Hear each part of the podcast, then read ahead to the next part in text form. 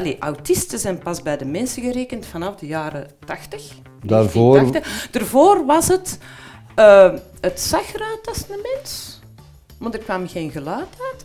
Dan van, oh, er komt geluid uit als je er toch heel hard in prikt. Ah, er komt misschien een logisch antwoord. Eigenlijk hetzelfde was met artificiële intelligentie, nu aan het denken zijn. En dan, ah ja, maar, maar we zien nu ook...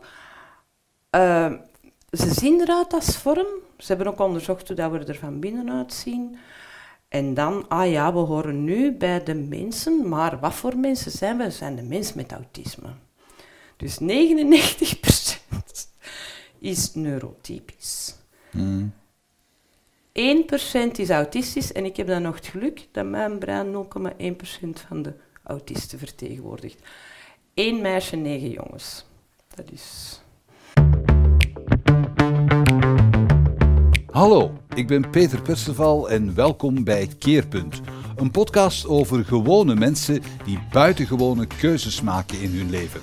Mensen zoals u en ik die hindernissen, uitdagingen, veranderingen tegenkomen in hun leven en vertellen over de eigenzinnige manier waarop ze daarmee zijn omgegaan, omdat dat voor iedereen inspirerend kan zijn.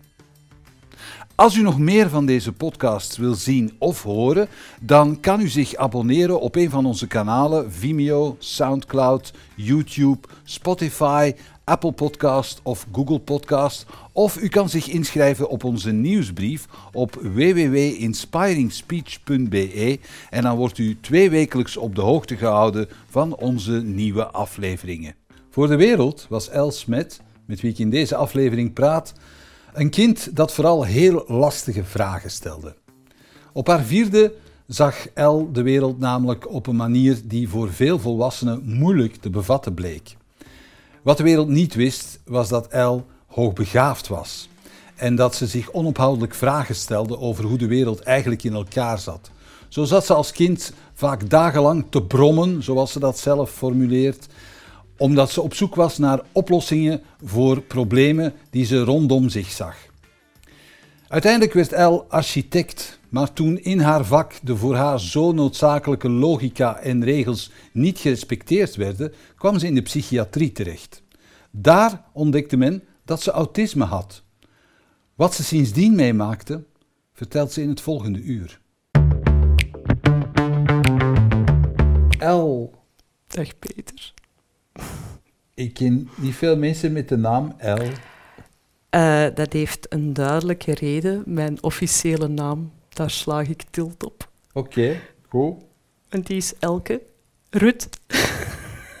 dus, en Elke op zich is al erg. Elke dag, elk woord. Dus ik heb op mijn twaalf besloten, ik wil duidelijk mijn naam herkennen. Dus het is El. Ja, dat was toen al een teken van wat er eigenlijk, eh, van wie dat je eigenlijk zei. Want eh, ik denk dat we dat aan het begin van het gesprek even duidelijk moeten zeggen.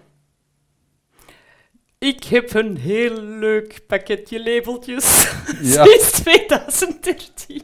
Ja, en dat is het hoofdlabel. Het hoofdlabel is eh, hoogfunctioneel autisme met een vermoeden dat ik hoogbegaafd ben. Oké, goed. Goed. De zijn dyscale- dyslexie, dyscalculie, alle X's. Ja. In, in dat opzicht was het, was, is het toch merkwaardig dat jij tot 2013 waar jij architect. Ik ben van opleiding architect Ja, en dan heb ik dat uitgebreid in alle fascinaties van de bouwwereld. oké. Mijn fascinatie als autist is het menselijk gedrag in verhouding tot ruimte en projectoptimalisatie van alles en nog wat. Dus ik heb een heel carrière in de bouwwereld gedaan. In combinatie met alle IT-programma's die dat er toen bestonden. En dan ben ik gecrashed. Omdat ik acht jaar niet had doorgeslapen. Ja, dat betekent dat je op het moment dat je crashte, wat, wat, wat, wat betekende dat? Zoals een computer eigenlijk tilt slaagt. Mijn hoofd is gewoon tilt geslagen. Ik heb een enorme storm in mijn hoofd meegemaakt. Mhm. Dingen zien verdwijnen. Ik heb daar ook nooit met psychiaters over kunnen praten, want dat was volgens hen niet boeiend genoeg. Dus ik heb zelf gezien van, oké, welke technische averij heb ik opgelopen in mijn hoofd. Hmm. Kan ik dat terugvinden? Nee. Ah, hoe ga ik mezelf heruitvinden? In, In jobs langs de andere kant te doen. Hè. Dus groendienst, alles wat dat ze zo een, een werkloze aanbieden. Hè. Dus dat is wat dat je dan tot nu deed. Ja, het laatste was... Nee, ik ben begonnen met groendienst. Dan heb ik mij opgewerkt tot broodkraamverkoper op de markt. Eh, in combinatie met poetsen. En dat heb ik gedaan tot 7 november. En Hmm. dan heeft mijn huisarts echt gezegd, je moet stoppen, want je bent fysiek volledig kapot. En dat Hmm. ben ik nu aan het doen. Ik ben nu... En gaat dat voor u? Ik kan één uur wakker zijn, taakjes doen, dan moet ik voor de rest van de tijd zo twee uur rusten. Maar als ik dan weet dat ik ergens naar buiten moet, Hmm. dan... dan... Dus deze Geef heb je ik- echt moeten organiseren. Ja, Dit gesprek heb je Ja. echt moeten organiseren. Ja. Oké, goed. Respect, dank u wel. Grap maar voor u. Peter, Ja, je hebt geen idee hoe hard mijn je comedy-cursus mij erdoor gehaald. ja ik ben Ik was een heel raar mens. ik ben ik blij om dat te horen. Nee, absoluut niet. Eh, absoluut niet. Je hebt, eh, je, je, vanaf eh, les 1 had jij een heel bijzondere kijk op de dingen. Mhm. En dat is natuurlijk wat je moet hebben in Ja. comedy. Dat is een bijzondere kijk Ja. op de dingen hebben. En dat was, dat was vrijwel onmiddellijk duidelijk dat dat wel van heel diep kwam bij u. Dus waar, eh, waar als je zo een jaar of 15, 16 waart, El, dan... eh, hoe- wat was jij voor iemand dan? 16 was het vierde middelbaar. Dan heb ik gewoon een jaar niet gesproken tegen mijn moeder, omdat ze mij had beschuldigd van iets wat totaal niet waar was. En, en wat was dat? Ehm, heel kort geschetst. Iemand in de nabijheid had eh, een koppel grootouders, maar niet de echte grootouders, hè, de buren. Auto-ongeluk, gestorven. Ik had met die persoon nog net een discussie gehad. Mijn moeder heeft mij beticht dat ik na het overlijden blijkbaar stond te kussen met iemand aan de bushand. Mijn 16 jaar. En ik heb haar gezegd, zeg, hoe kom erbij? Het was waar, het dorp had het komen zeggen. Dus ik heb gewoon gezegd, zolang dat jij mij beschuldigt van zo'n dingen. In welk dorp was dat? Waar? Wommelgem. In Wommelgem, oké. Dus ik heb een jaar niet gesproken tegen mijn moeder. Die is ook... Ik ben toen in december thuisgekomen met een cadeau van mijn klas. En die had zoiets van, wat doe jij met een cadeau? Ik zeg, ja, ik ben jarig. Ah ja, ik was dat vergeten. Ik, dat kon, je kon perfect bij ons thuis een jaar niet bestaan. Oké. Dat was oké. Maar je kunt... Ja, ik was eigenlijk al raar op mijn drie. Ja? Ja. Hoe dat? Omdat ik toen aan het vraagstuk begonnen ben, wat ik u er straks had verteld. Hmm. Hoe komt het van... Mijn, mijn drie vragen waren van, wat is het nut van godsdienst? Hoe komt dat alles zo mannelijk is? Hmm. En hoe komt het dat Gulle zo raar naar de hemel kijkt? ik heb u net dat printje laten zien. Ja, ja, ja. Hm. Dus daar was ik mee bezig en ons vader had uitgelegd hoe dat je letterlijk, figuurlijk en abstract naar de dingen kon zien met het werkwoord zeilen. hè, Mhm. de zeilboot, functioneel, eh, de gevoelswaarde en de abstractie. Hè. En sindsdien was ik continu aan zeggen tegen ons van, ja, maar dat klopt niet, dat klopt niet. En die heeft hij om de deur gezegd van, hier is een boek, leest hem. Dat was dan de kleine prins. Hij zei, dat is boeiender dan een bijbel. Want ik was dus met alles. Ik kon al lezen toen. Op uw drie. Nee, op mijn vier. Mijn zus heeft mij leren lezen Mm. als... Hoeveel, hoeveel broers en zussen Ik had? ben de jongste van vier. Twee zussen, jongen, meisje. Ik dus. En hebben die ook eh, graden in uh, Ik, nee, nee, nee, nee, nee, nee, die zijn gewoon allemaal hoogbegaafd. Ehm, blijkbaar, denk ik, want die geven mij net als ons moeder de schuld van alles. Zeg maar, uw vader, dat hij die- dat gesprek aanging met een driejarige Ja. of een vierjarige, en dat je zegt van, ik zal u het verschil uitleggen tussen abstract, emotioneel en wat was het derde? Eh, ja, het is, het is eh, letterlijk, figuurlijk en abstract. Dus Ah, dat is functioneel, gevoelsmatig en abstractie. Dus zo dat je... Ah, wel, dat, die- dat uw vader dat met een vierjarige dat gesprek aanging, dat wilde zeggen dat... ik was een heel moeilijk kind. Ja, maar moeilijk kind dat hij dat ook wel aanging. Dat hij ook wel zei van, Ja, "Tja, ja, dat was- dat kind moet dat weten. Ja, omdat Dat was dan toch ook geen, eh, geen een domme, domme mens. Nee, ons vader was vooral de praktisch. Oké. kind snapt het niet, we leggen het uit. Ik was een kind waar geen land mee te bezeilen viel. Hoe uitte Op zich boot dat? wel. Oh, ik kon, als ik iets niet begreep, kon ik dagen nog een stuk op en neer dribbelen als een basketbal. Totdat ik het snapte. In mijn eigen, maar ze zetten mij dan gewoon in de nokken. Dan Ja. bleef ik daar wat drinken. Was het eten, dan stopte ik. Dan ging ik verder nadenken. En dan stond hij letterlijk te bewegen. Te trillen? van- Nee, echt op mijn plek. Heel Oké. beleefd, maar... Mijn bijnaam was Moulinex. Of Amai. moest die. Dat, dat zeiden ze tegen jou thuis, moeder niks. Ja. Dan was ik aan het brommen en dan, dan totdat ik... Volgens ons moeder was ik het aan vergeten, maar dan dacht ik, ja, ik heb het nu zo hard ver gebromd dat ik het, dat ik het gaan in de sterfput laten. En dan had jij gewoon heel de redeneringen Ja, ja, ik was continu waarom zijn de dingen wat ze zijn. Ja, en waarom wringt dat zo in mijzelf en waarom klopt dat niet? Maar we spreken nu over welk tijdvak? Eh, ja, dus ik ben in 70 geboren, december. Dus we spreken over de jaren 70 Ja. en 80. Ja. Dan was dat allemaal nog niet zo in zwang. Dat bestond nog niet toen. Hè. Nee, dus- Autisme is pas...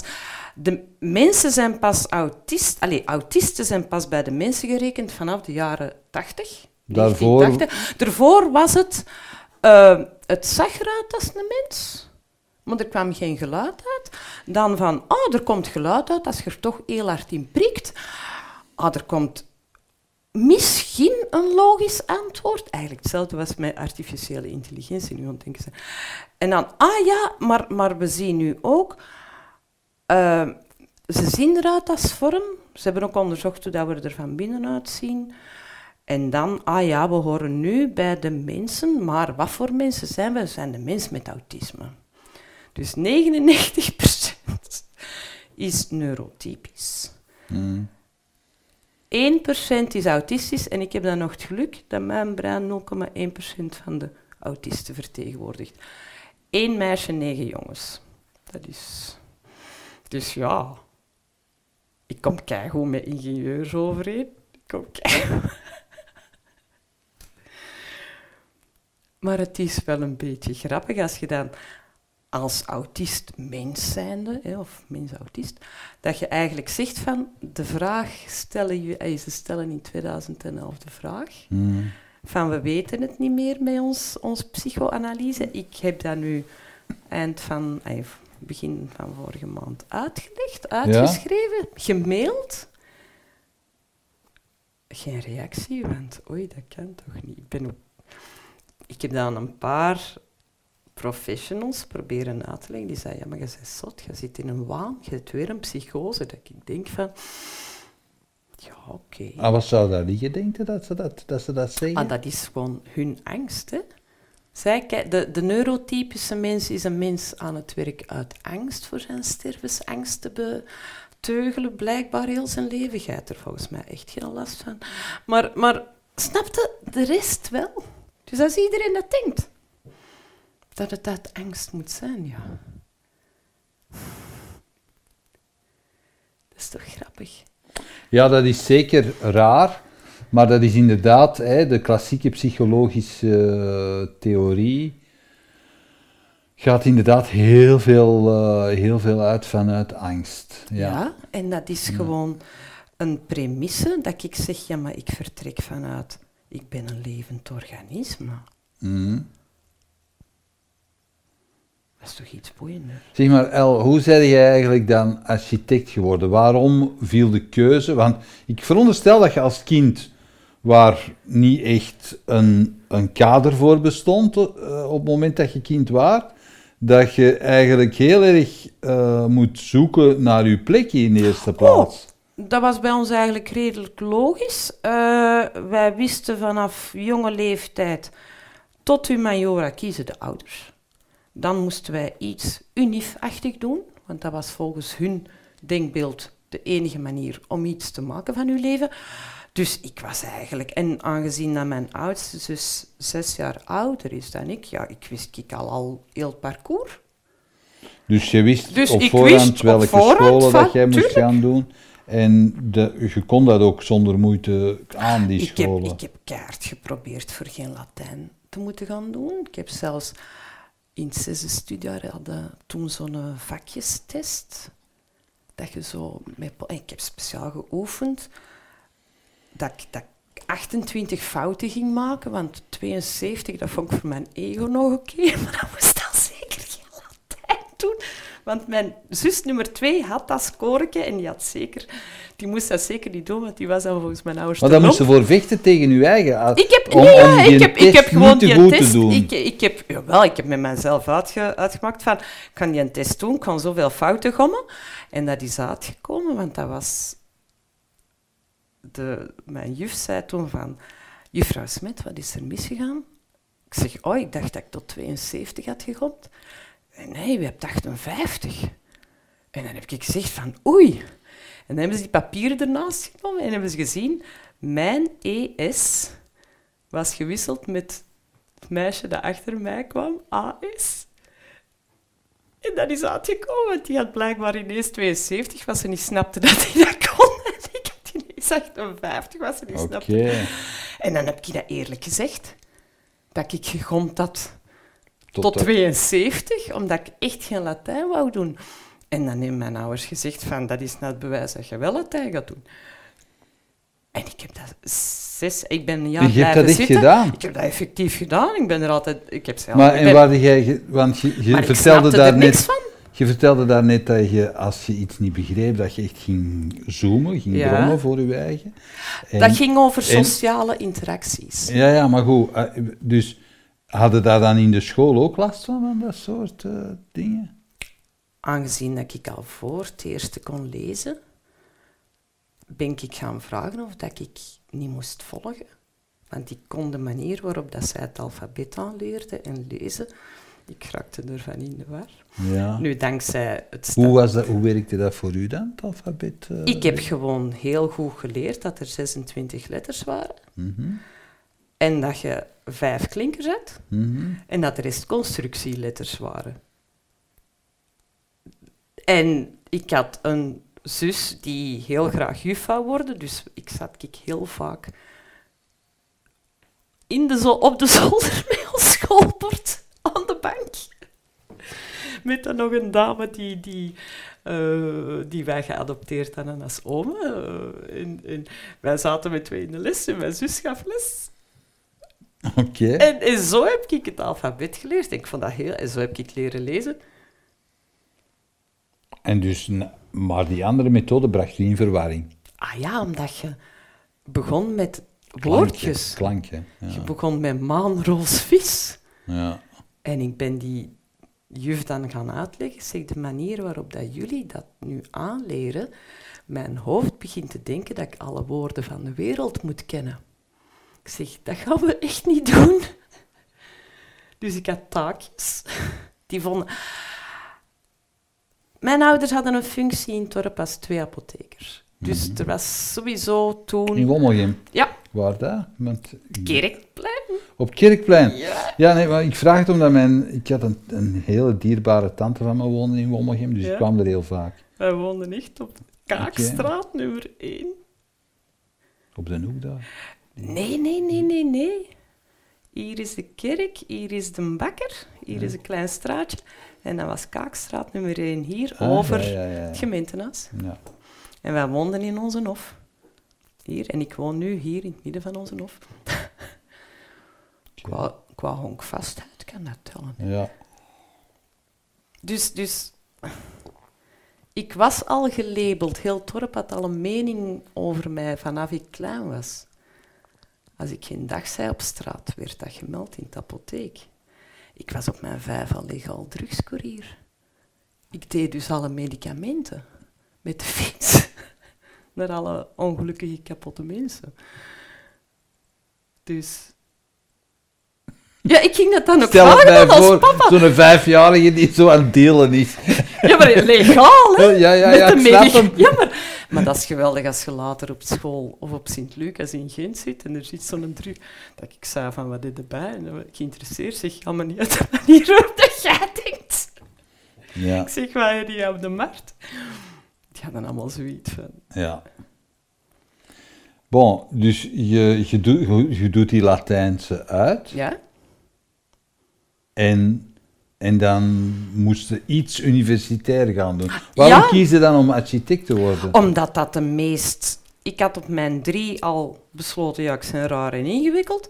Tussen mijn vier en mijn zeven had ik... Ik wist al wat parcours ging zijn, dus ik had nagedacht, ja, wat ga ik dan doen? En ik wou gewoon een studie waar dat je alles en niks mee kon doen. En dat was architectuur. Maar ik heb geen architectuur gedaan om huizen te bouwen. Ik heb echt... eh, wij filosofeerden over Heidegger en kan een punt dat. En ik was ook vanaf dag één al de seut volgens mijn studenten, collega's, omdat ik zo in de les zat van, jee, ik wil antwoorden. Hm. Bij elke les.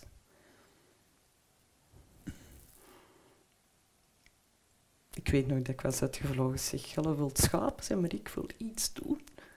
Eindelijk, na de major. Hm. En de wereld was niet gemaakt voor mensen die geen schaap wilden zijn. Dat weet ik niet. Ik ben volgens mij ook een goeie schaap, maar dan een zwaar. Een zwart schaap. Ik zie het als mens. Ik zie mezelf als mens, niet als schaap. Eh, Ja. Maar, maar de, de, toen heb ik gemerkt... Stom voorbeeld. Examen architectuurgeschiedenis. Hm. Je kwam met twee binnen, het was sowieso mondeling. Mhm. De ene trekt een vraag, mag beginnen. De andere mag aanvullen en degene die het best aangevuld heeft, die geeft de punten aan, die krijgt de punten. Dus als een A niet wist wat dat was en ik was de B, dan wist je dat je sowieso niemand wou met mij examen doen, terwijl dat je op voorhand 20 had. Want dan voelden zij hun dom.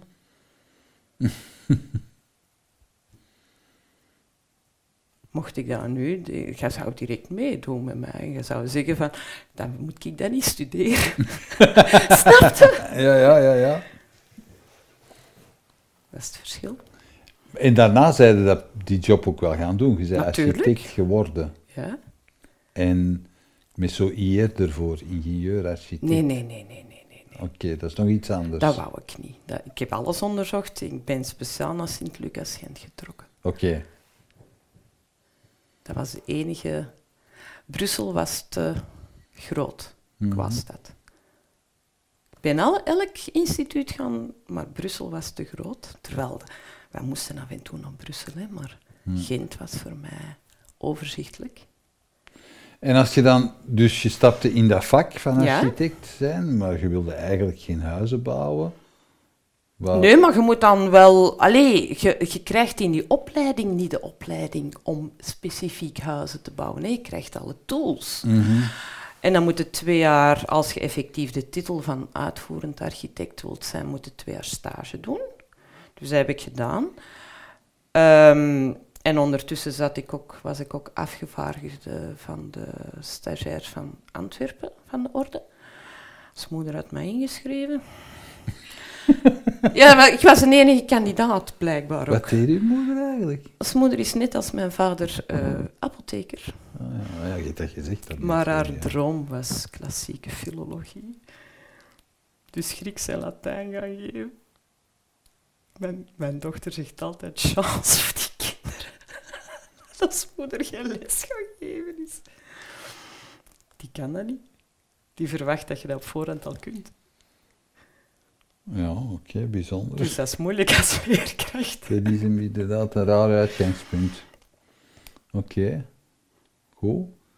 Maar ze was, daar, ze was daar zelf ook heel hard mee bezig. Van, had ik maar... Dat Zij, kunnen doen. zij moest dat doen. Zij moest de kaart trekken als oudste meisje.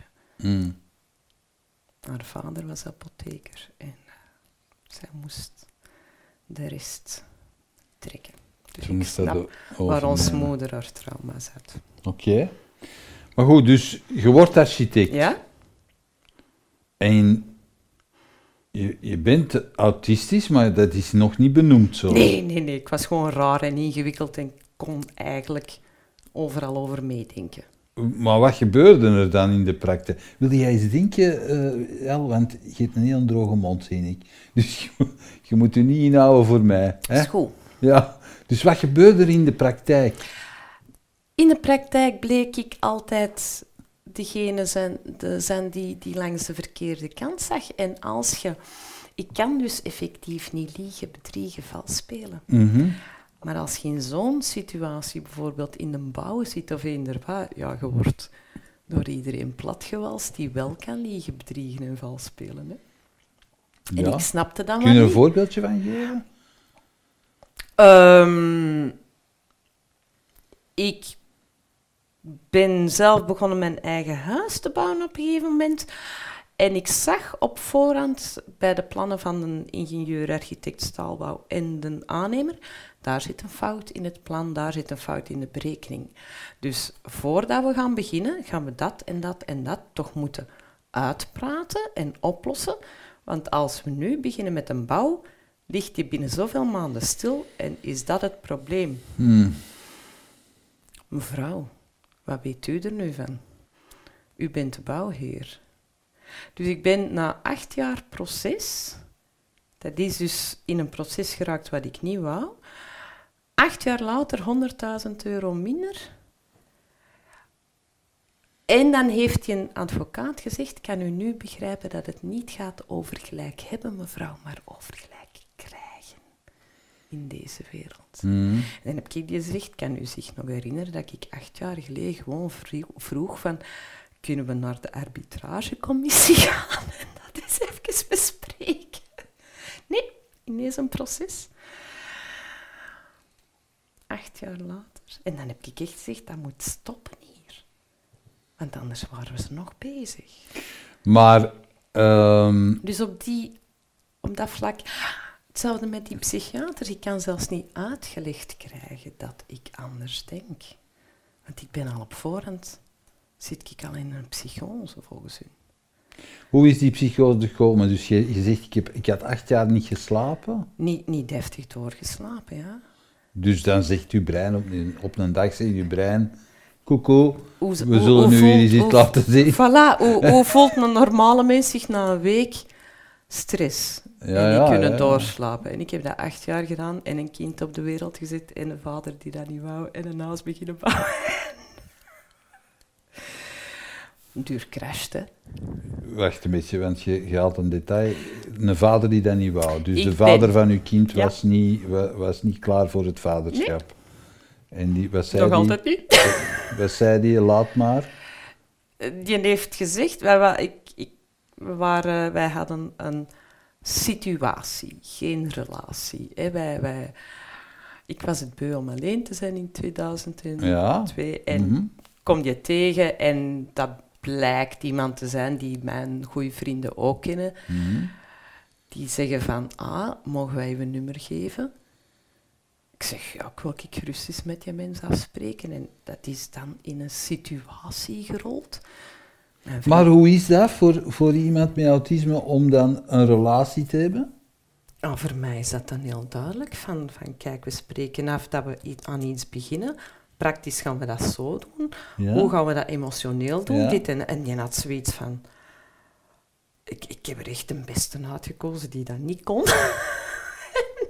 Die kon dat ook niet bespreken. Die kon Nee, niet zeggen van, oh, Nee, eh, nee, nee, ja, oké, nee, wacht even. Oh, ja. Dus, dus na vier jaar hadden wij eigenlijk besloten van uiteen te gaan. Maar dan stierf mijn vader onverwacht. Nog, nog op vakantie geweest. Voor af te sluiten. En een vakantie Waarom hadden we dat nodig om af te sluiten? Ah, omdat we toen al besloten, en mijn vader is in juni 2005 gestorven, dan was het bouwverlof. We hadden al een, een vakantie gepland voor te gaan duiken, maar ook al besloten van we gaan dat afronden, die relatie dat we hebben al vier jaar, want dat leidt naar niks. En dan blijk ik in september na alle testen zwanger, terwijl dat, dat technisch eigenlijk niet kon, omdat ik alle voorbehoedsmiddelen pakte. Maar dan blijkt door stress dat dat toch kan.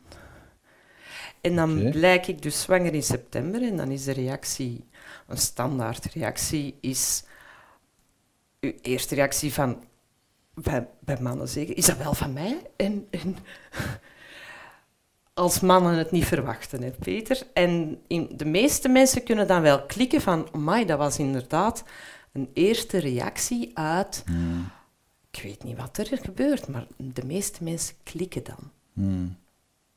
Dat is nog altijd niet gebeurd. Oké. Dus je heeft nog altijd het idee van dat kan niet van mij zijn. Jawel, jawel, jawel, want het, Ah. heeft zijn naam, het is een ding. Ah. Maar de eerste, aangezien dat ik besloten had van het kind op de wereld te zetten, mocht ik het de eerste vier jaar volledig financieren. En na vier jaar ben ik dan ook bij hem weggegaan. En dan mocht ik nog eens een rekening van vier jaar huur betalen. Omdat je bij hem Omdat ik woonde. bij hem had mogen wonen. En het kind volledig financieel en dingen op, opvoeden. En je hebt dat gedaan. Ik heb dat zo versluist dat dat een erfenis van mijn dochter werd. Hè. De mens heeft dat zelf nooit gekregen. Hè. Oké. Ik heb dat gewoon een paar... Maar het, ik- El, als je dat nu allemaal vertelt, het leven lijkt me gewoon kei ingewikkeld. Ja, dus ik hou het graag simpel. Ja. En, en dus ik leef heel simpel nu. Dus, dus ik probeer... Maar dat simpel leven is gekomen door die kruis. Dus je zijn na die acht jaar niet kunnen slapen. En, en zij Nog altijd echt- wel topjobs doen. Hè. Ja, en je zei, je zei, je zei letterlijk gecrashed. Je brein Ja. heeft gezegd, hier houdt het op. het. Wij gaan, nu, wij gaan nu laten zien wat er allemaal in uw kop zit. Mhm. En dan, dan, dat noemt men psychose. Ja. Hè?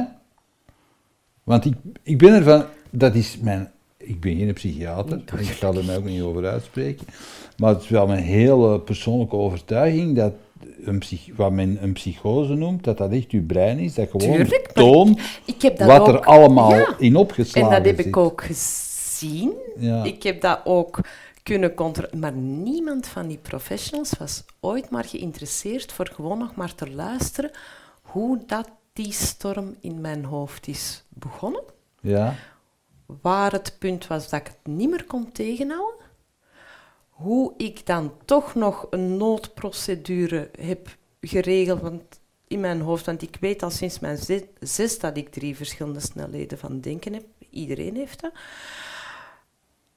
En hoe dat ik mijn brein toch nog redelijk gecontroleerd heb om niet... Ik was absoluut destructief. En ik heb dat toch nog kunnen controleren. en hoe deed je dat? Ik heb bijvoorbeeld mijn huis, in plaats van het allemaal kort en klein te slagen, helemaal gestructureerd uitgeladen. Al de lades. Maar ik was zo... Ik heb mijn banden van mijn auto kapot gestoken, want ik wou ermee kap, ik wou tegen de muur gaan rijden. Ik heb dat allemaal Dus toegelaten. ik was mij in volledig uw, bewust. in, in uw ja, destructie, ja. waar jij echt... zo autistisch gecontroleerd dat ik zei van dat is menselijk dat je dat voelt, maar we gaan dat morgen moeten opkuisen. Dus, en we hebben geen centen om de nieuwe tv te kopen. We hebben geen, dus ik heb alles mooi op de grond gezet, mijn kast uitgeladen. Ik heb wel meenemertjes aan door mijn huis gelopen. Hebben ze mij dan verweten, ons moeder heeft dat verweten. Ze zei van, gaat uw huis kort en klein geslagen? Ik zei, ik vermoed dat dat een beetje anders in elkaar zit. En ze zei, ja, maar je hebt met vuil voeten door je huis gelopen. Ik zeg, ja, dat kun je mij effectief Maar hoe, waarom zei zij, je hebt je huis kort en klein geslagen?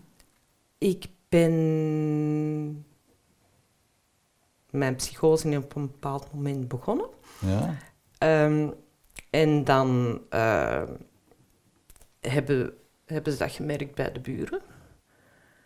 Aan wat merkte ze dat? Weet je dat? Ja, ehm, ik had ook om drie uur s'nachts door huilend door het dorp gelopen. Ik moest, dat moest even kwijt. Ja. Maar dan bleek, dat is niet correct, is dat dus, ik had in mijn bontjas witte bottekjes rondgelopen. Zei ja, dat was uw camera. Zeg nee. Maar dan ben ik dus gaan slapen. Ik heb mijzelf verplicht van te gaan slapen. En dan heb ik gezien dat al de buren wakker werden. En dan heeft mijn familie mij naar Duffel gebracht. Correct, terecht. Mhm. En hebben ze u daar geholpen? Ik heb... Ik had het ontvangstcomité met de bottinnetjes. Hmm. En ik heb die mensen blijkbaar zo duidelijk gezegd, zeg, bind mij vast, buit mij, eh, spuit mij plat. En die hebben geluisterd. Ik was de meest beleefde psychoot. Maar eh, voor mij klaarstaande met de botinnetjes wilden wel zien dat ze bang hadden van u. Ja, blijkbaar. Een verpleger heeft dat gezegd. Zeg, kan u begrijpen dat wij afgrijzelijk veel schrik van u hebben? zeg ik, nee. Ik zeg, want ik weet exact wat ik gezegd heb. Ik weet nog exact wat ik gedaan heb. Ik zeg, en ik weet ook dat ik wel een heel hard gevraagd heb van... Spuit mij plat, want ik heb het gehad. Ja, ik wil even bijzeggen voor de mensen die, die hier naar luisteren of kijken en die niet weten wat de botinnetjes zijn. Oh, de, de zes, zes personen die dan getraind zijn bij een speciale divisie van de politie om... Om iemand met Mensen- geweld in bedwang te Ja. houden. Ja. Die hebben mij niet aangeraakt. Oké. Oké. Hoe lang ben je daar geweest? Tien dagen. Tien dagen. En toen? Ehm, na zee, ik heb drie dagen platgespoten geweest. En dan na zeven dagen krijg je het recht om u met een prodeo-advocaat voor de vrederechter te verantwoorden. Die komen dan ter plekke. Omdat je gecolloqueerd Ja, was. Ik was gedwongen opgenomen. En ik heb die mijn cv laten zien en gezegd, dat is mijn plan van aanpak. Dat is er volgens mij gebeurd. Dit gaan we zo moeten aanpakken. Die hebben mij direct vrijgesproken. En ik ben echt met dat plan begonnen. Hè. Van te zoeken wat het wel was en dit en dat. Hadden ze dat, dat eens meegemaakt, dat iemand met een psychose Nee, ik was een blijkbaar plan even... van aanpak had? Nee. Dus, dus in het verslag van de psychiater staat hoogheidswaanzin, ay, bipolair binnengekomen, hoogheidswaanzin omwille van het wiskundig onderwijs van de dochter van het tweede studiejaar. Ehm, Omdat je daar een bepaalde opinie over had. Ja. ja, als je het cijfer 0 niet meer aanleert in de lagere school. En je gaat van 1 tot 10. Dat is om problemen vragen, hè, Peter. 10 unieke getallen in de wereld. 0 tot en met 9, waar dat je alle cijfers mee kunt maken. ja. En in het, eerste, in het tweede studiejaar zeggen ze, we hebben iets nieuw gevonden, we beginnen van 1 tot en met 10. dat was een druppel. Zie me, en wat vond uw dochter daarvan? Eh, ik heb dat kind, zij was toen zes, denk ik. Zoiets. Ah, tweede, tweede. En ik heb gewoon gezegd, zeg, net als een computer kan crashen, kan een mens ook crashen, hè? ofwel fysiek ofwel in. Ik zeg, Maar als je, zo, als je zo'n conflict had van, hè, mijn, ja maar sorry, dat kan niet, dat je, van, dat je het cijfer 0 niet meer meeneemt in die getallenleer. En hij heeft vierkant uitgelachen, die juffen. En, al die ouders in de klas. en oh, en als Josephine had zoiets van, mama, je hebt gelijk, maar ik kan niet moeilijk doen. Hè. Ik leer dat wel. Hè. Mm.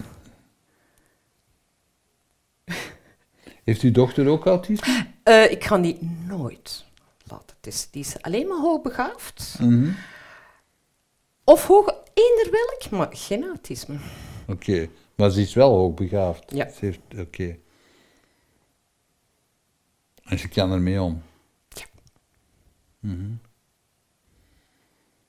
Maar ik weiger die te laten testen op autisme. Jij zit daarna in een reeks jobs verzeild, Ah, ja. waarvan men dacht, ja, dat kun je nog aan. Nee, ik, ik ben eigenlijk zwaar gemotiveerd van op ziekenkast te gaan doen. Mhm. Ik heb dat geweigerd. Men heeft u gezegd, Ja, ja, je kunt, kunt niks, je moet accepteren dat je niks kunt. oké.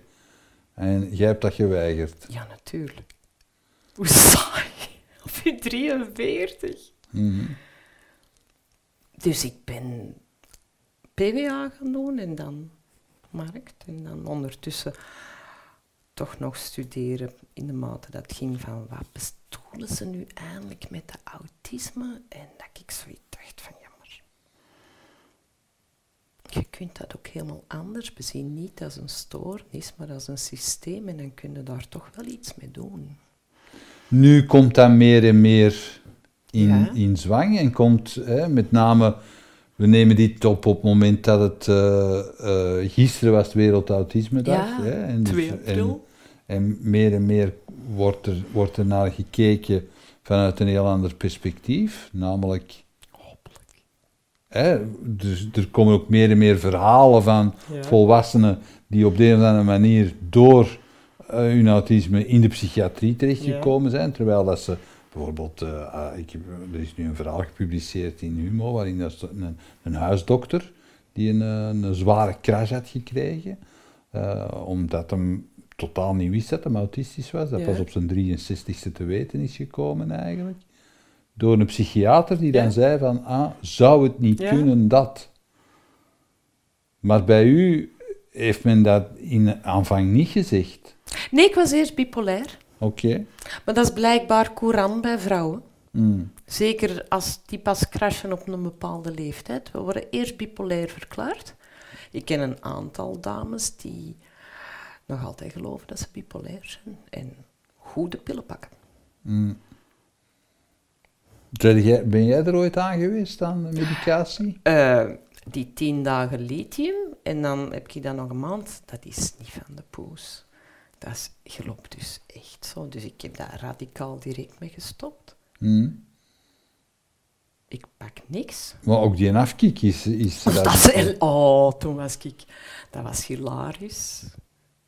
Ik was echt zo'n Duracell-konijn. Dat was echt niet, niet oké dat ik zelfs met een auto reed, vond ik. Maar ik heb daar serieus van afgezien. Van dat afkicken, maar dat kon mij geen bal schillen. Zeker niet als je dan op zo'n momenten getest wordt. Want dan zijn ze overdadig. Maar dan, in, in, in, de, in de PWA... Als, toen dat jij naar de comedycursus kwam, Ja.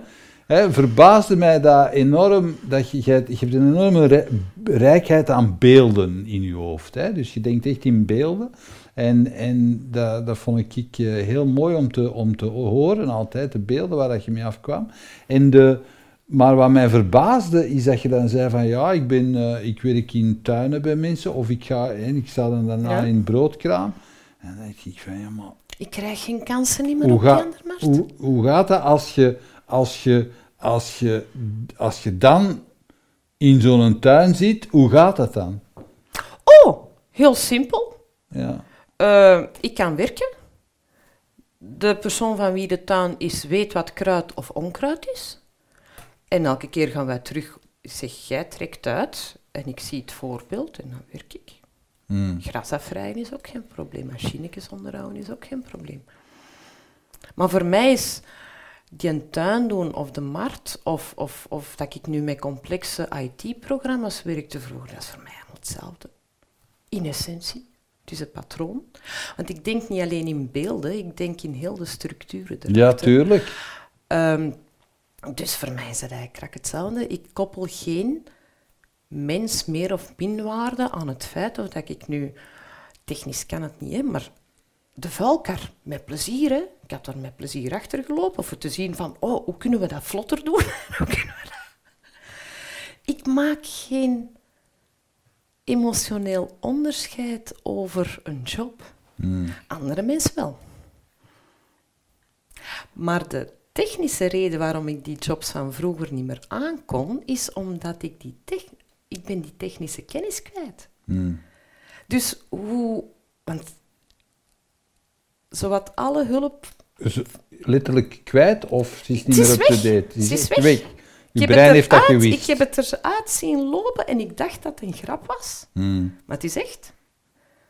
Het is zo like uw computer in een harde schijfcrash gehad. Mhm. In het beste geval zie je nog een labeltje van de map. Maar de map is leeg. En al die hulpverleners hebben altijd gezegd, ja, maar dat is uit angst. Zeg, nee, dat is echt. Ik heb het onlangs nog een, een voorbeeld proberen maken. Ik zeg, als ik bij die crash mijn been fysiek was kwijt geweest, Hmm. had ik dan met een beenprothese binnengemogen in uw kabinet? Want ik had gezegd, zeg, mijn echolalie is kapot. Dus om een gesprek waar ik zakelijk iets mee wil doen, om te zien waar ik fout zit met ontwerpen of dit of dat, zeg, mag ik dit gesprek opnemen? Je zei nee, alleen als het nodig is. Ik zeg, ja, maar het is niet uit angst. Jawel, u gelooft het niet. ik zeg, als ik mijn been kwijt was, zeg, had ik mijn prothese moeten uitdoen of wat? Uit angst. Mm. En toen had je mensen zoiets van, de sessie is voorbij. dus stop het. Oké. Je hebt er dan voor u, voor uw eigen ook een kruis over getrokken. Ah, dat was de laatste keer dat ik door had van die angst, die menen dat dus echt. Mm. En dan ben ik nog eens gaan zien van, hoe kijken die naar de mens? Mm. Ja, daar zit het verschil aan. Hè? Ik kijk naar de mens als een levend organisme. Niet als de heerser van de aarde. Dus ik kan hun logica van een autistische mens ook niet vatten. Hè? Nee. Maar daar zit het probleem. Als ik als enige idioot misschien een theoretisch model heb om aan te duiden van het kan anders, en heel de kunnen zegt, nee, je bent zot, je hebt een psychose, ja. Dan stop het. Dat theoretisch model, hoe Ja. zit dat in elkaar? Vertel Ah, dat dat is dat wereldmodelletje. Ja, vertel. Je hebt drie manieren van nadenken. Ja? Uw rationeel vermogen, Mhm. uw verbeeldingsvermogen en uw instinctief vermogen. Dat heeft allemaal verschillende snelheden van redeneren. Oké, wat, heeft, wat heeft welke snelheid? Dit is de snelste. Instinctief. Intuïtie. Instinctief, ja. Dus Instinctief. sorry. instinctief eigenlijk. Dat is nog iets anders. Ik denk dat dat te vergelijken valt met intuïtief. Als je dat woord kunt vatten, maar instinctief, als k- mijn kat heeft geen... Die weet direct waar dat ze naartoe moet, bij wijze van spreken. En verbeelding kan Mag ik die... eens even blijven Ja? stilstaan bij dat instinctief? Ja? Eh, dat, dat zijn reflexen dan. Dat is eigenlijk, eigenlijk uw onderbewustzijn grotendeels. Dat is eigenlijk de machinerie die onbewust uw ademen, uw, uw dingen eh, regelt. Maar tegelijkertijd ook de pikorde. Hè, hoe, dat je...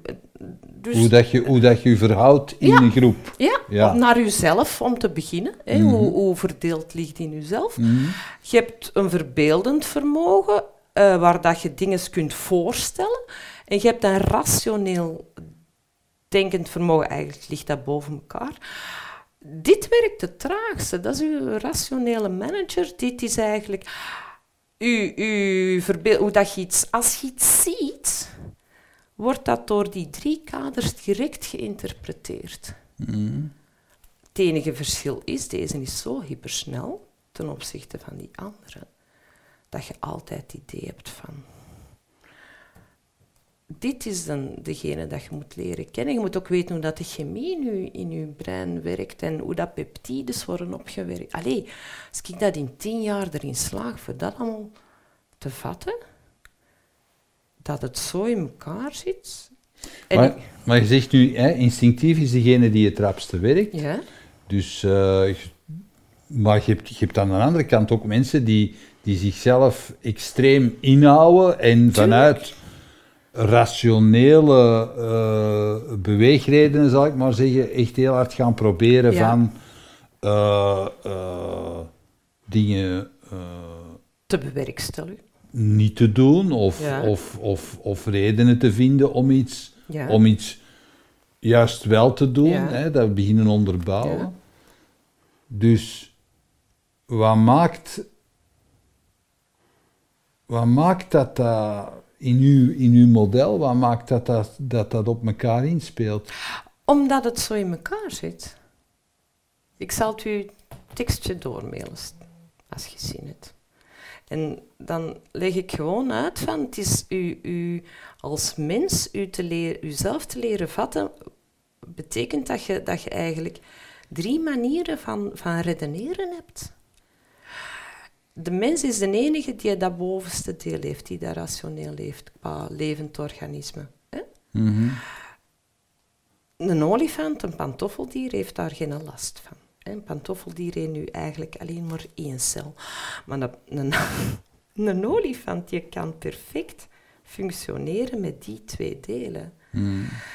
Wij zijn degene die taal, handvaardigheid, creativiteit, dat zijn mensen. Die dat dan ook nog eens toepassen. Hè? En wij kunnen, wij kunnen rationeel ehm, heel veel naar de knoppen helpen. Een olifant heeft toch geen ambitie voor de wereld te regeren? Ons kat ook niet. Die weet op tijd er eten. Dat weet jij toch niet? Hoe kun je dan nu zeker zeggen dat een olifant niet de ambitie heeft om de wereld te Die regeren? heeft de ambitie om olifant te zijn. Ja, maar dat, hoe, kun je dat, hoe, hoe weet jij dat? Omdat ik dus mijzelf niet zie als mens zijnde een leidend object, maar als een levend organisme. Ik zie ook wel... Ik... ik allee, op mijn drie had ik... Wat je nu zegt, is dus eigenlijk, het ontbreekt de olifant dan bijvoorbeeld hè, aan zelfreflectie. Nee, helemaal niet. Die heeft daar geen last van.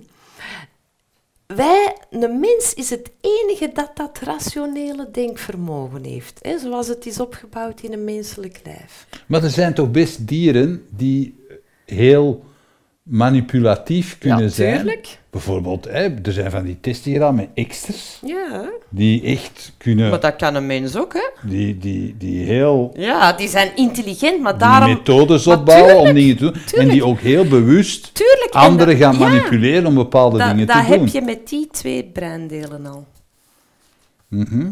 Echt waar. Ja, daar kan ik in komen. En wat is de toegevoegde waarde van dat rationele gegeven dan? Dat je best jezelf in proportie zet als mens. Dus zelfbewustzijn eigenlijk. En dat je moet beseffen dat je niet de, de heerser van de aarde bent, maar dat je eigenlijk jezelf eens in proportie zou moeten zien. Mhm. En dat het niet over... Ik weet niet, El, ik blijf het, ik blijf het een raar gegeven Dat vinden dat je zegt dat de meeste dieren, of allee, dat dieren gewoon geen zelfbewustzijn hebben. Nee, dat, dat, dat, dat woord hoop ik dat ik niet gebruikt heb, maar die Nee, hebben heb geen rationeel Dat maak ik denk. ervan, Die hebben, die, hebben, die hebben dat vierkantje niet nodig. Die hebben dat ook niet. Ze hebben het misschien niet nodig, maar kun je zomaar zeggen dat die dat niet hebben?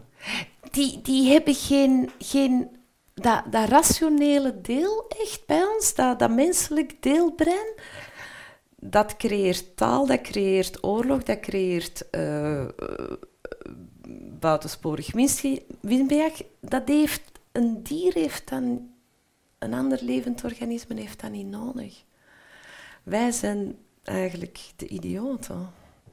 Waarom heeft een andere levend organisme dat Omdat dat daar niet mee uitgerust is.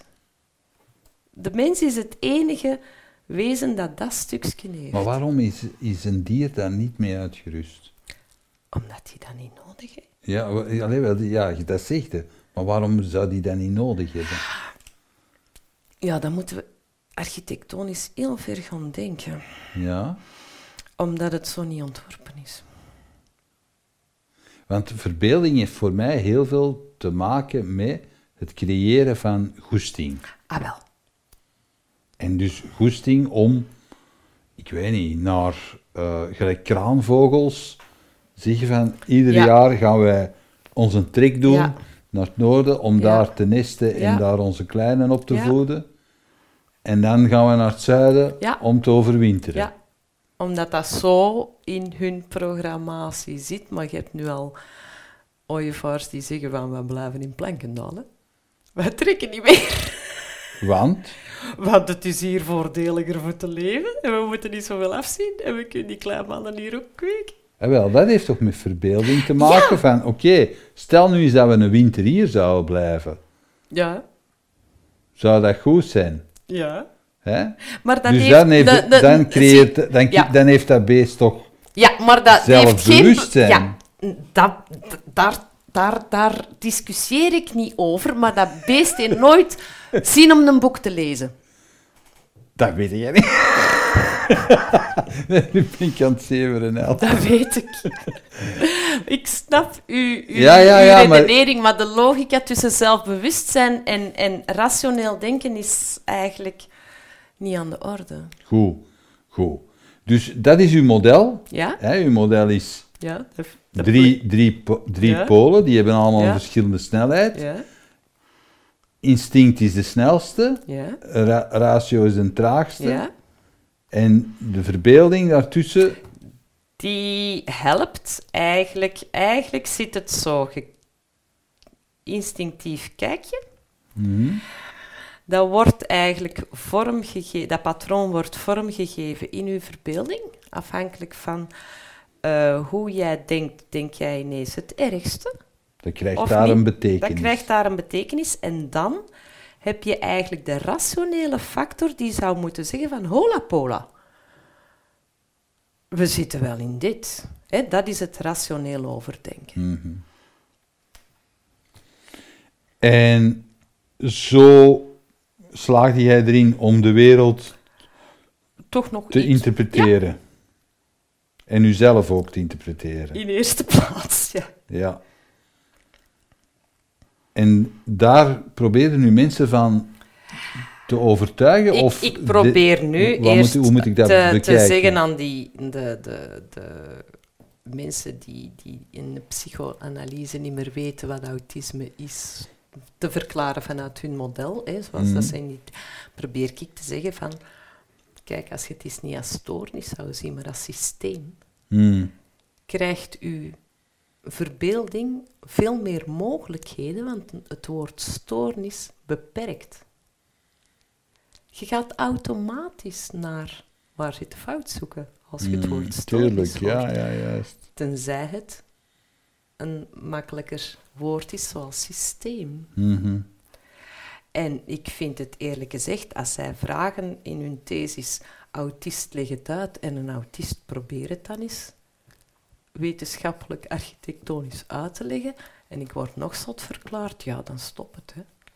Dan ga ik voor de hoogste handicap. Hè. Qua uitkeringen. Ik zit het laagste van het laagste nu. En dus uw ambitie is om het hoogste te krijgen. Ik wil een comfortabel inkomen hebben, Ja. zodat ik toch nog dingen kan gaan doen. Hmm. Hoeveel krijg jij nu? Eh 1250 euro. Om van te leven. Gezinslast en al. Ja, Dat is wel weinig, hè? dat is in de huidige Plus ik kan mijn kine en zo ja. niet meer... Een leefloner die vers aankomt, heeft 1800 euro. Volgens de papierwet, hè? Ja. Want jij hebt nu ook je hebt een aantal lichamelijke eh, kwalen die daar een Ja. gevolg van zijn. Dus ik kan fysiek ook niet meer werken. Onder andere een frozen shoulder, Ja. wat echt... Dat is pijnlijk. Ja, heel uw lichaam hangt op aan uw schouders, Ja. dus dat is nogal lastig. Ja, ik kan echt niks doen. Dus ik heb een deel van mijn erfenis ingezet voor een poetsvrouw en dit en dat. Alles waar ik eigenlijk technisch recht op zou hebben. Zeker omdat ik zo volgens hen kapot ben. En autistisch. En niks kan. Ik ken mensen die effectief... Volgens hen, wie is dat? Ah, de, de FOD. Ja, Ik ken mensen die dus de sociale zekerheid. Ja. eh, richting handicap. Hè, en mensen die ze dus op jonge leeftijd gediagnosticeerd hebben en gezegd hebben, accepteer dat je niks kunt hebben, handicap 7 of 8, die hebben 1600 of 1700 euro niet te werken. Mhm. Dan denk ik van, ik heb een cv en een bewijs van hier tot Hongkong. Eh Verder dan ben ik nog niet... Nee, nee, nee, dat is dichterbij. Is dat dichterbij? Dat is Sorry. dichterbij, maar daar heb ik mijn the- eerste thesis gemaakt. Eh, ik heb volgens mij... Ik ken iemand die- die handicap 11 heeft, autisme, en die heeft gezegd... Ik geef muziekles aan autistische kinderen en daar zet ik mijn handicap voor in. Dat vind ik dan geweldig. Die heeft dus een uitkering, die geeft elke week dag en nacht les. Dus die is haar uitkering waard, vind ik. Ja. En die heeft handicap 11, ik wil handicap 12. En wat is het verschil? Dat is een paar honderd euro meer. Oké, ja. En ik begin aan handicap 12 en kan tot 18 gaan. Wat zou je zelf nog willen doen? Ik zou heel graag, indien er oren voor zijn, gaan uitleggen van het is effectief geen stoornis. Hè. Je mag het zo zien, maar stel dat je het als een systeem bekijkt Hmm. en je verknooit iets minder mensen. Mhm. Want er zijn er hoe langer hoe meer. Ze verknooien zo langer hoe beter. In maar- welke zin?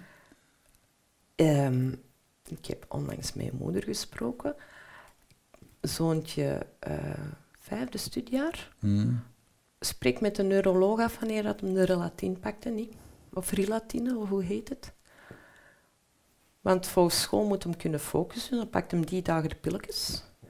En daarna is hem kind en dan zegt hem van, ik zal het ooit wel overleven, zeker? Als je je kind al zo met een neuroloog laat afspreken, Hmm. dan denk ik van, kan het anders? Minstens. Ja. Nu, als ze dat niet wensen, dan ga ik mij toeleggen op tuinieren. Ik heb een ster gezet, ik kan nog altijd niet tuinieren, ik ga tuinieren. Je hebt er ook al een voorstelling over gemaakt. Hoe Ja. waren de reacties daarop? Eh, dat was een pure ramp. Maar dat was ook nog een try-out. Dat was ook... Ja. Ik was zo veel jaren na datum 13 mei 22. Dat is vragen om problemen op een vrijdag. De zaal was al ondergelopen. Mijn techniek werkte niet. Maar het staat op tape. Dus ik moet dat nooit meer doen. ik, heb, ik heb het ook helemaal uitgeschreven dat het wel juist moet. Maar ik weet, ik op een podium, ik, ik neem zoveel stress van iedereen binnen, dat, Ja. dat pure chaos. Hmm. Dus ik schrijf met plezier dingen dat mensen die daarvoor getraind zijn en dat graag doen op een podium, zeg ik van, misschien kan je dat doen. Hmm, Dat zouden willen doen.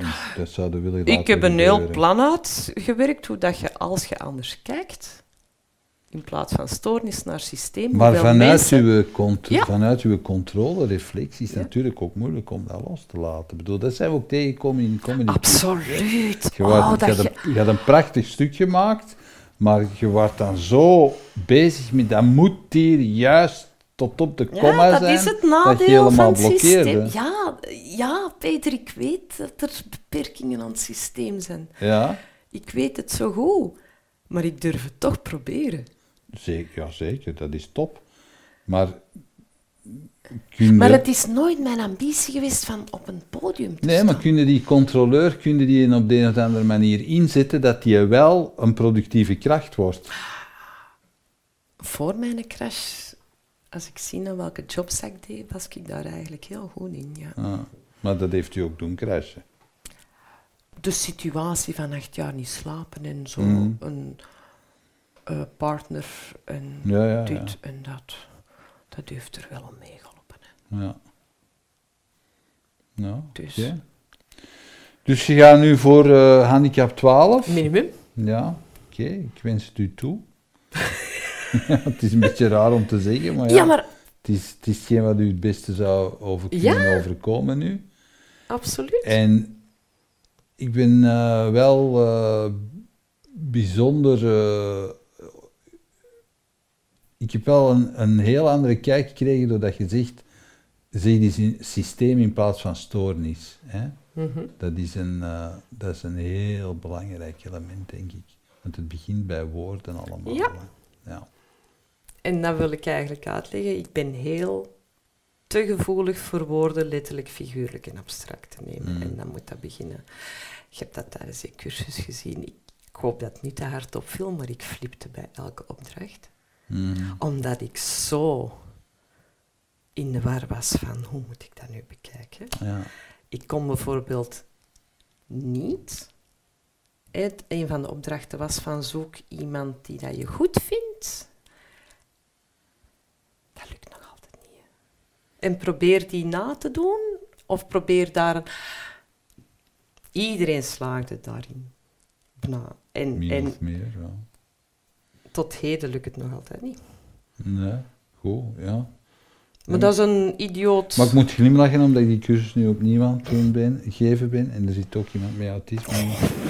Dus ik ben benieuwd wat hier mee, mee gaat afkomen. Je weet nu dat je systeem kunt zeggen in plaats van stoornis. Ja, maar hij, is er, eh, ja, hij, is er- hij heeft er ook al een lang traject mee afgelegd. Voilà. Dus eh, hij, weet, eh, hij weet het ook wel. Oké. El, heel hartelijk bedankt voor deze babbel. Wederzijds. En ik hoop dat onze kijkers en onze luisteraars nu eens op een andere manier ernaar gaan kijken. Dat zou fijn zijn, hè? Ja, dat zal wel lukken. En anders. Ik blijf bezig. Ja, ze kunnen nu tegenkomen in Wommelgem. Je bent altijd welkom. Oké. Als je mij naast vindt. In Op Kerkplein in de Hof eigenlijk. In de hof. Kalment. Oké, Goed. bedankt. Wederzijds. Bedankt dat je keek naar deze aflevering van Keerpunt. Wil je op de hoogte blijven van nieuwe afleveringen en nieuwe interessante gasten? Abonneer je dan op onze nieuwsbrief via www.inspiringspeech.be. Iedere twee weken brengen wij een nieuwe aflevering online op inspiringspeech.be, YouTube, Vimeo en Soundcloud. Tot ziens.